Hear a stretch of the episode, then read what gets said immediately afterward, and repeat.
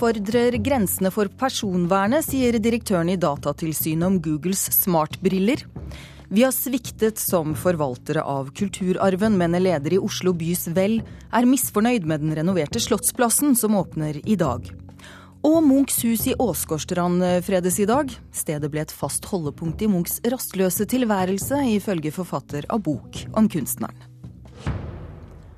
Du hører på Kulturnytt i P2s Nyhetsmorgen med Elisabeth Tøtte Hansen i studio. Ikke alle er like begeistret for Google Glass, Googles smartbriller, som slippes på det amerikanske markedet neste år. Datatilsynet er skeptisk til om slike intelligente briller vil ivareta personvernet godt nok, mens snowboardkjører Terje Håkonsen er mer positiv til mulighetene teknologien skaper. Det er jo ikke lagd for Facebook, men det er jo lagd for løypekart og navigasjon i fjellet og viktige ting, da. Det siste året har den store snakkisen blant klodens teknologinerder vært smartbriller. Briller som eh, med en liten skjerm eller et lite prisme, og gjennom en trådløs kobling til en mobiltelefon, lar deg gjøre alt fra å lese tekstmeldinger til å filme, eller for den saks skyld lede deg ned en slalåmbakke. En god gammeldags skibrille. Vi kaller jo da en snowboard goggle. I huset sitt på Bygdøy fikler snøbrettkjører Terje Håkonsen med en Oakley Airwave, en av de første smarte brillene som har funnet veien inn på det norske markedet. Ja, det er sånn eh, type løypekart, Spotify, så vet jeg det er Facebook. Kan hooke den opp til uh, kameraet ditt og se når du recorder og sånt. Hvis Oakley henvender seg til teknologiinteresserte skientusiaster, sikter Google seg inn mot verdens smarttelefonbrukere. Med Google Glass, som etter planen slippes på det amerikanske markedet i løpet av første halvår 2014, skal den jevne amerikaner kunne dele synsinntrykk med bekjente, og dessuten sjekke mail og lese SMS, det hele uten å løfte en finger. Det var jo en interessant opplevelse, for jeg prøvde jo en type teknologi som jeg ikke har prøvd tidligere, og som ikke så veldig mange andre har fått forsøkt. Direktør for Datatilsynet, Bjørn Erik Thon, er en av få nordmenn som så langt har fått prøve et par av Googles smarte briller. Morsom duppeditt eller ikke, Thon ser personvernsutfordringer i de stadig smartere og mindre synlige produktene, som er venta å skylle innover oss i åra som kommer. Det er ikke sånn at vi sitter på trikken og så ser vi en person som vi lurer på hvem er, eller har lyst til å finne ut hvem er. Vi tar ikke opp kamera på mobilen og tar et bilde av vedkommende. Det er sosialt uakseptabelt. Det er mye lettere å gjøre det i skjul når du har på deg Google Glass. Med Google Glass og ny søketeknologi så kan man da veldig lett finne ut hvem som sitter foran en på trikken. Og Da flytter man grensene for muligheten til å ha en privat sfære ganske betraktelig. Jeg håper jo å se for meg f.eks. at dersom jeg nå skulle filmet det du og jeg sitter og snakker om, så ville det lyst et stort rødt lys i pannen min som forteller deg at du blir filmet. Norgessjefen for Google, Jan Grønbekk, takka pent nei til å kommentere Datatilsynets bekymringer. I et intervju med NRK Kulturnytt i juni sa han at selskapet er klar over de utfordringer som følger med et produkt som Google Glass. Personvern er viktig, og det er eh, vel så viktig for oss som for, eh, for myndighetene. Dette er en av tingene som vi selvfølgelig skal løse, og som er kjempeviktig for oss. For tillit fra brukerne er det vi lever av. Tilbake på Bygdøy er snøbrettkjører Håkonsen usikker på om smarte briller har noe for seg. Være seg i slalåmbakken eller på trikken. Om alle kommer til å ha sånn om mange år, det vet jeg ikke. Men uh, kanskje det er noe annet da, som er både enda mindre og enda lettere å bruke. Noen, ikke, noen er jo ikke på Facebook eller har Twitter eller noen ting. De har jo faktisk et liv.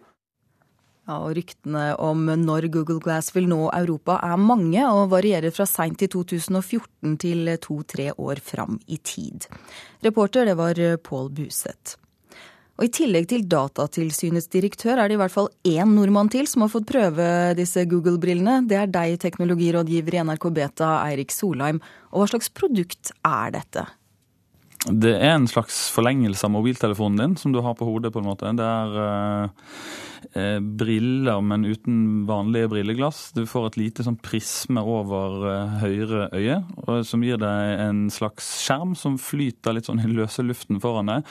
Så det er ikke det du må fokusere på dette lille prismet som er en centimeter fra øyet ditt. Den, den, den lager et eh, skjermbilde ca. en meter eller to foran deg som du kan se på. Men hvordan styrer man funksjonene på, på brillene? Det den gjør, er at uh, brillen snakker med mobiltelefonen din, så en del informasjon kan komme opp automatisk hvis du ber om å få kart. Så, ja, Må man si noe? Må man snakke til dem? Ja, for å styre dem, så det er to ting. Du kan ta hånden opp og trykke på, på siden. Det er en liksom touch-aktig greie på siden av brillen. Eller så kan du rett og slett snakke med dem. Det var jeg litt spent på, om de ville skjønne min norske aksent, for foreløpig snakker de bare engelsk. Men da eh, er de laget sånn at du sier OK glass, eh, og da våkner de til live og hører på hva du sier. Så jeg testet og sa OK glass, take a photo. Og så klikk, klikk, sa det, så tok den bildet. For den har kamera også, den her, så du kan ta opp video og ta bilder med den. Men, men, hvis du kan beskrive dem, hvordan ser de ut sånn Det ser ut som en brille, for så vidt. da.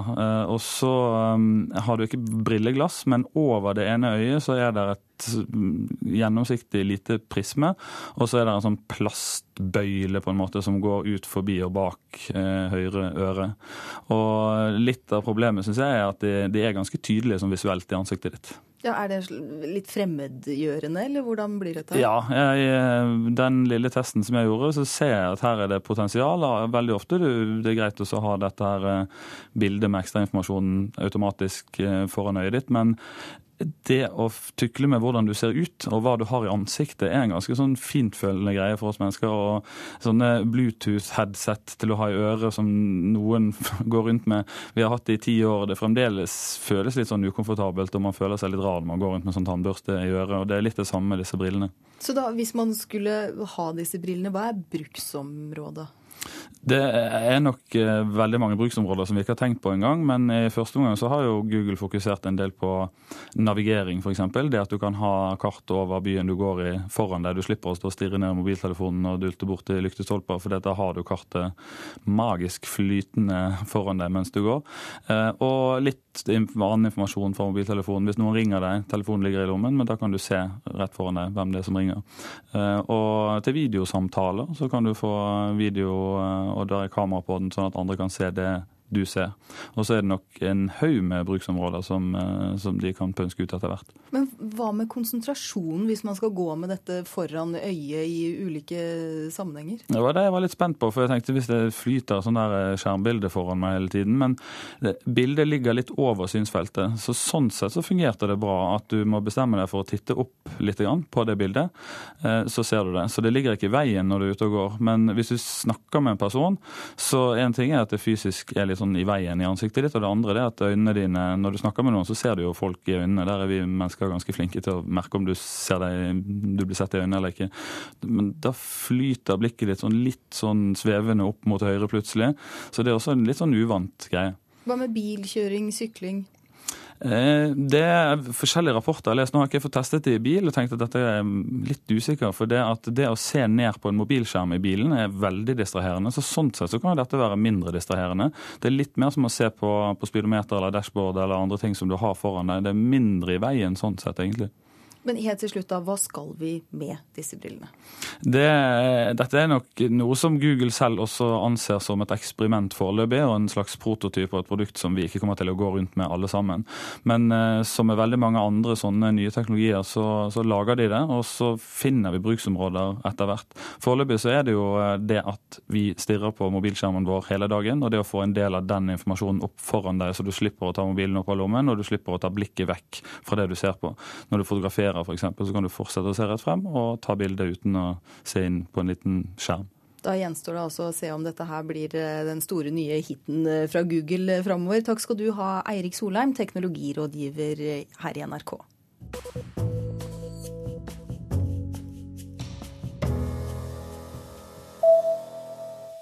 Kulturminister Toril Vidvei legger forgjengerens siste prosjekt på is, ifølge Dagbladet.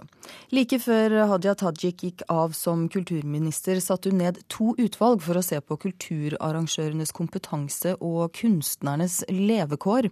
Nå droppes begge to. Vidvei sier hun vil kartlegge behovet for nye utredninger i lys av regjeringsplattformen. Og byrådet bløffer når de lover å frede bibliotekfilialer i Oslo. Det mener Rødts leder Bjørnar Moxnes. Kulturetaten har varslet at de må legge ned flere filialer fordi byrådet foreslår et kutt på 2,8 millioner kroner neste år. Byrådslederen lover å la dem leve, men Moxnes mener han fikk et altfor vagt svar da han ba om en garanti i bystyret i går kveld.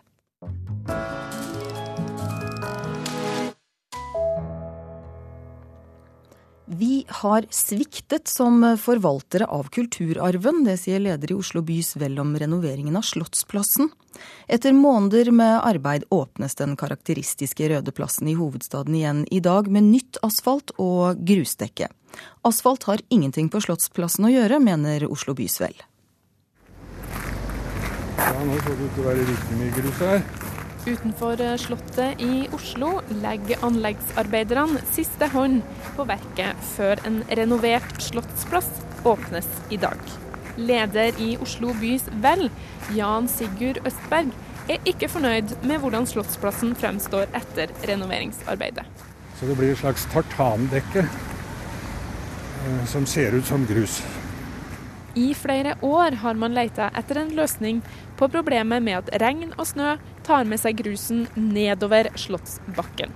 Nå er det lagt et asfaltdekke som man har festa et lag med den velkjente røde grusen oppå. Se her er det grus. Men asfalt hører ikke hjemme på Slottsplassen. Det mener Østberg. De som laget slottsanlegget, leverte det videre til oss. De leverte det jo videre som en grusplass. Og Derfor mener vi at vi egentlig har sviktet vår oppgave her da, som forvaltere av denne kulturarven ved å modernisere og, og, og, fiffe opp dette anlegget.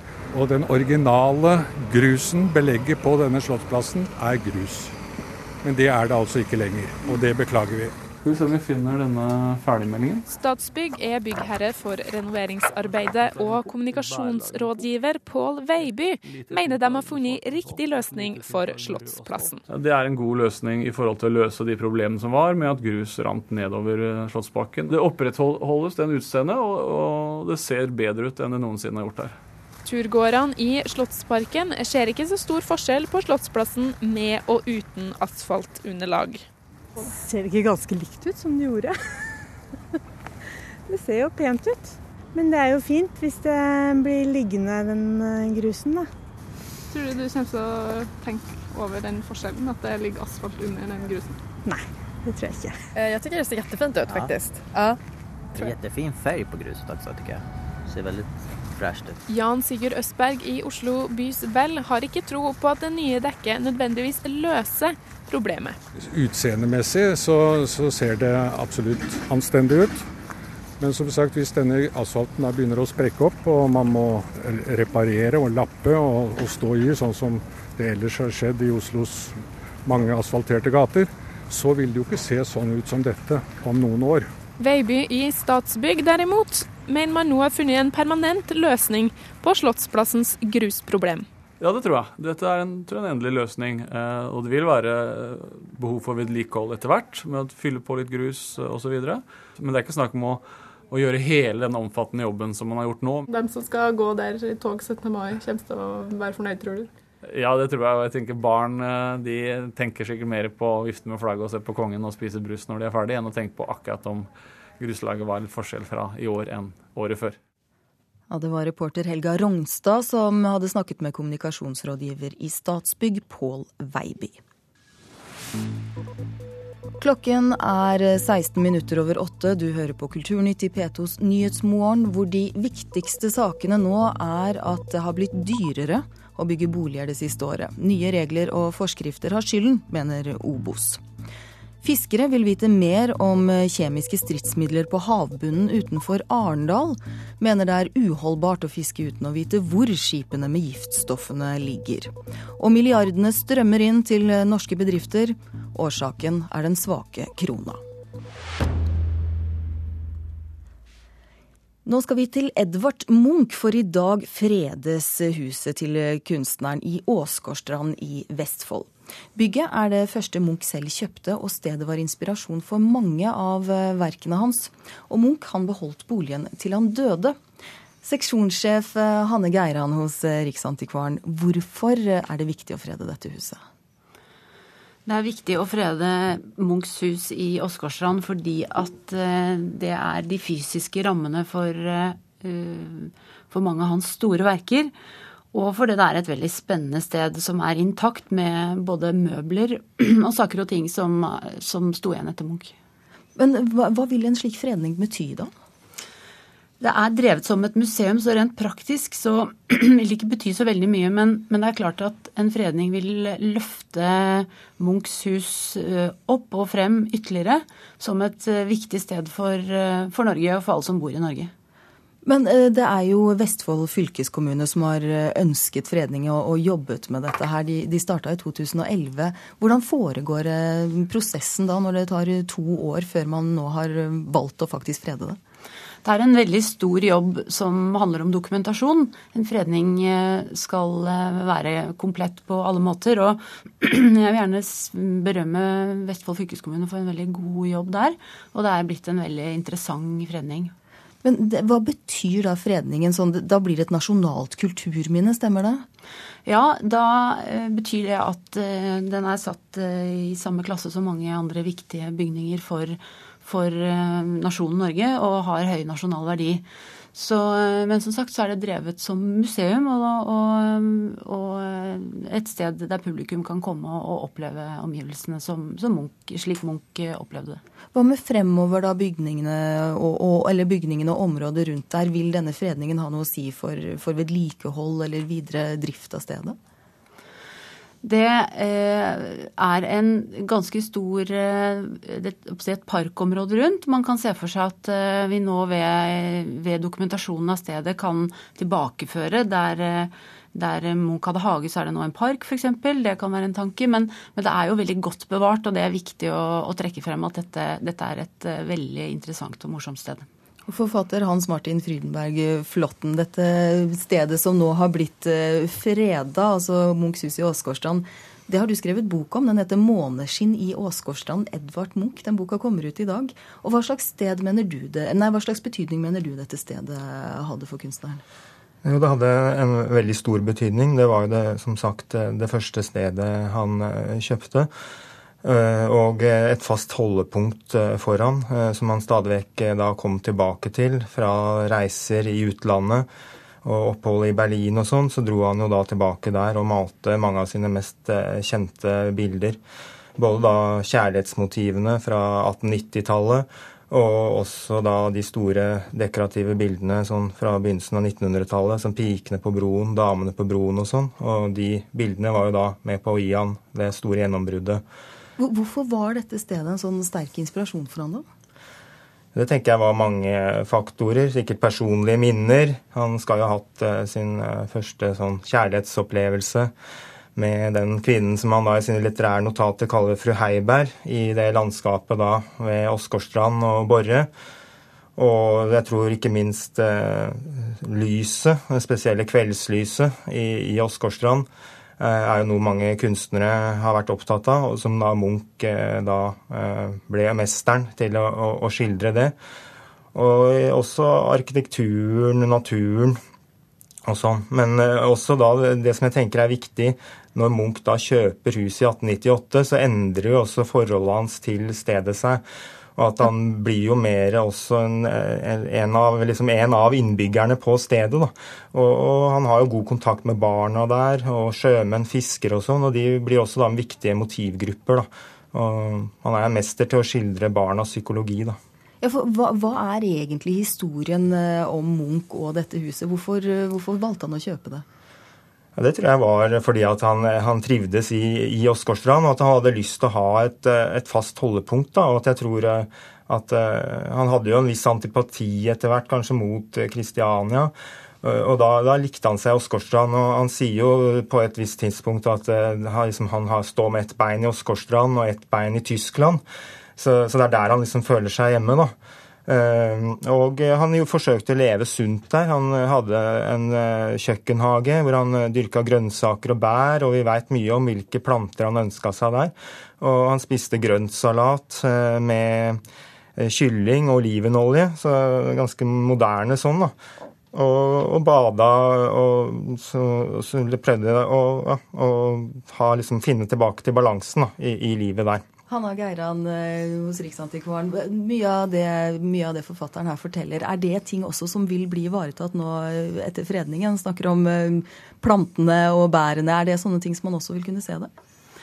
Per nå så er det ikke det. For det, parken og landskapet rundt er endret. Men man kan jo se for seg at det er en mulighet. Det vil jo være kjempeinteressant. Ja, for hvor, hvor, viktig vil det være for å skape en helhetlig fredning av stedet i så fall? Ja, det er klart Dette sier jo noe om, eh, som eh, min sidemann her sier, noe om, om, hvordan han levde og hvem han var.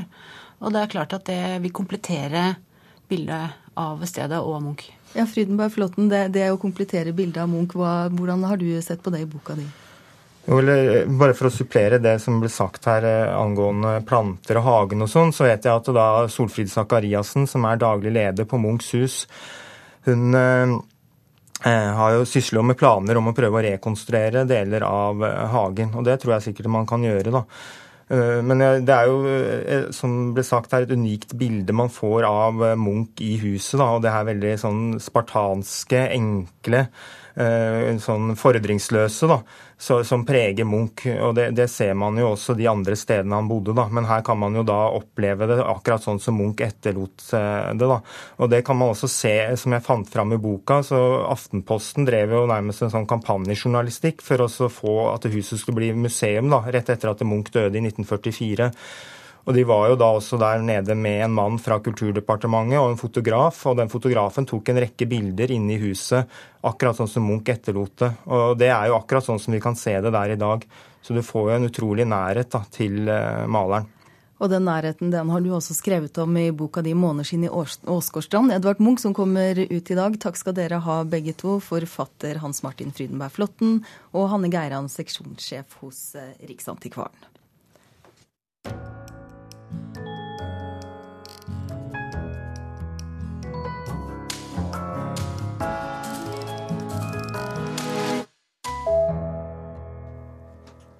Detektiv Downs er en god komedie og en bekreftelse på at vi er blitt flinkere til å leve med forskjeller i dette landet. Det sier vår filmanmelder Einar Gullvåg Staalesen. Han har sett ukens premierefilm og retter tommelen opp. Av og til var det ikke noe gøy i det hele tatt. Men da gikk jeg bare på fylla. Detektiv Downs lever i dunkelt lys i betente miljø. Han går på tvilsomme barer og drikker når han ikke får oppdrag og blir trist. Han møter potensielle kunder i horestrøket. Han kjenner horene. Han gjør stort sett det en mann med hvit skjorte, kappe og hatt ikke skal gjøre.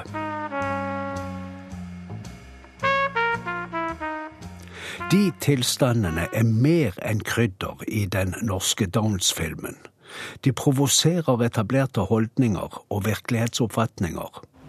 Ja, som sagt så, så gjelder det datteren vår. Er dere glad i henne? Hva er dette for noe tull?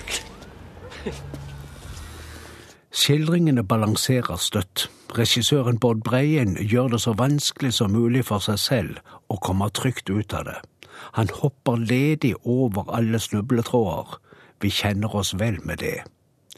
Det Breien utfører, er en større prestasjon enn bare å lage god film. Svein André Hofse har rollen, han får det til, han også. Hele teamet fungerer godt. Bård Breien har instruert med forstand. Kari Simonsen, Liv Bernhoft Osa, Ida Elise Broch, Per Skånning, Trine Juel Andersen, Jørgen Kålstad og Sven Nordin med flere. Privatdetektiv Robert Boger. Møt meg i horestrøket.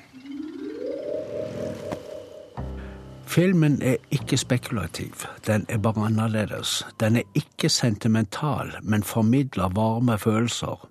Den handler ikke om klienter, men om en vanlig beboer på Marihøna bokollektiv og noen av naboene hans. Robert vil være detektiv fordi faren hans er politietterforsker. Det er mulig motivet er å hjelpe far med noen saker, for det er gått litt i stå for politimannen etter at mor døde. Hold dere fast. Den mongoloide detektiven er på vei. Hei, Robert. Ute på oppdrag? Velkledd som alltid, ser jeg. Halla, står i avisa. Kjendis, jo. Det første og hittil eneste oppdraget er å finne skøytelegenden Olav Stjernen. Han er meldt savnet. Mor savner gutten sin. Barna hans er redd han har stukket av med familieformuen og en nattklubbsangerinne. Filmen er god og lun komedie, og den er mer enn det. Fenomenet Detektiv Downs er en bekreftelse på at vi er blitt litt flinkere til å leve med forskjeller i dette samfunnet.